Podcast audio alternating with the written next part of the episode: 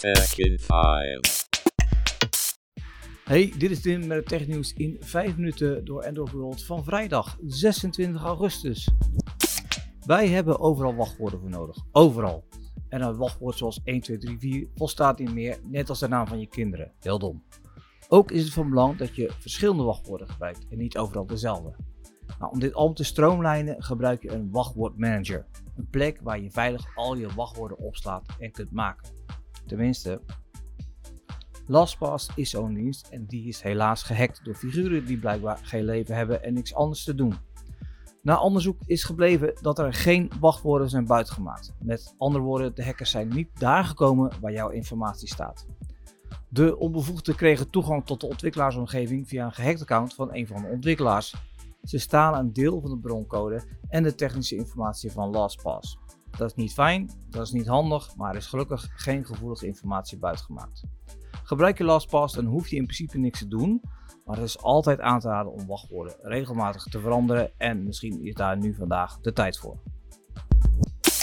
Wordle was een hit tijdens corona. Een handige Harry maakte deze app voor zijn geliefde, zodat ze zich niet zou vervelen in quarantaine. De wereld ontdekte de app die alleen in een browser werkte en de boel ontplofte. Eerst wilde de maker er geen geld aan verdienen, maar toen de New York Times een zak met doekoe op tafel gooide, waren de nobele gedachten zomaar weg. Tot nu toe kon je dus Wordle niet in de app spelen. Doe je dat nu wel, dan speel je met een clone of word je op dit moment gehackt. De New York Times maakt ook geen aparte app voor Wordle, maar heeft het nu wel in de New York Times Crossword app gezet. De Nederlandse versie speel je nog steeds in de browser.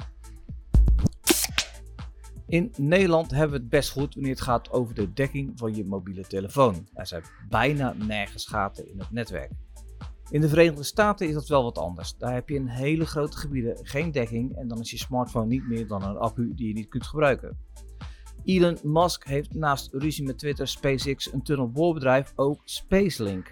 Dat zijn kleine satellieten in een baan om de aarde die internet op plekken brengt waar geen ontvangst voor de normale netwerken zijn.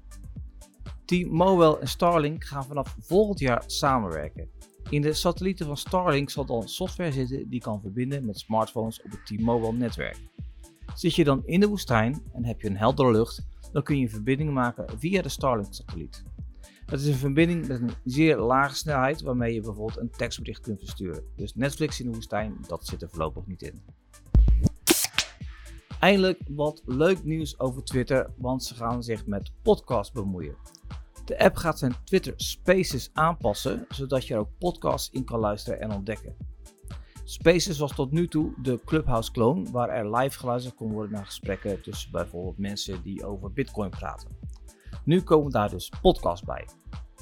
Wanneer je Spaces straks opent, zie je stations. Dat zijn plekken rondom een bepaald onderwerp waar je audiogesprekken en podcasts kan ontdekken.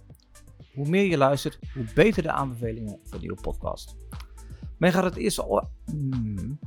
Men gaat het eerst uitrollen naar een aantal twitteraars om te testen. Mocht deze test slagen, dan kunnen we straks allemaal gebruik van maken. Elke vrijdag praten we bij over de laatste nieuwe titels op de streamingdiensten in samenwerking met nieuwdezeweek.nl. Op Netflix kijken we naar Ludek. Om een ontvoerd familielid te redden, moet een ondernemende meubelmagnaat zijn geheime diamantsmokkeloperatie gebruiken om wapens over de grens te vervoeren. In Mo volgen een man op de grens van twee culturen, drie talen en een hangende asielafvraag, terwijl hij zijn Palestijnse familie probeert te onderhouden. De fans van Game of Thrones kijken op HBO Max naar House of the Dragon. House of the Dragon is gebaseerd op Fire and Blood van George R.R. Martin. De serie speelt zich 200 jaar eerder af dan de gebeurtenissen uit Game of Thrones en vertelt het verhaal van het huis Targaryen. Je bent single en je gaat trouwen met iemand die je nog nooit hebt gezien. Klinkt heel bijzonder, maar het gebeurt toch echt. Kijk maar op Videoland naar Married at First Sight. Herinner jij je Jackass nog? Een stelletje idioten die allerlei pijnlijke, gore en vooral domme dingen deden omdat ze het leuk vonden.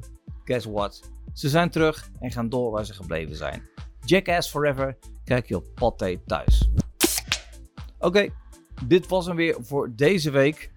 Ik wens je een heel fijn weekend en we zien je graag maandag weer voor een nieuwe Tech in 5. Laters!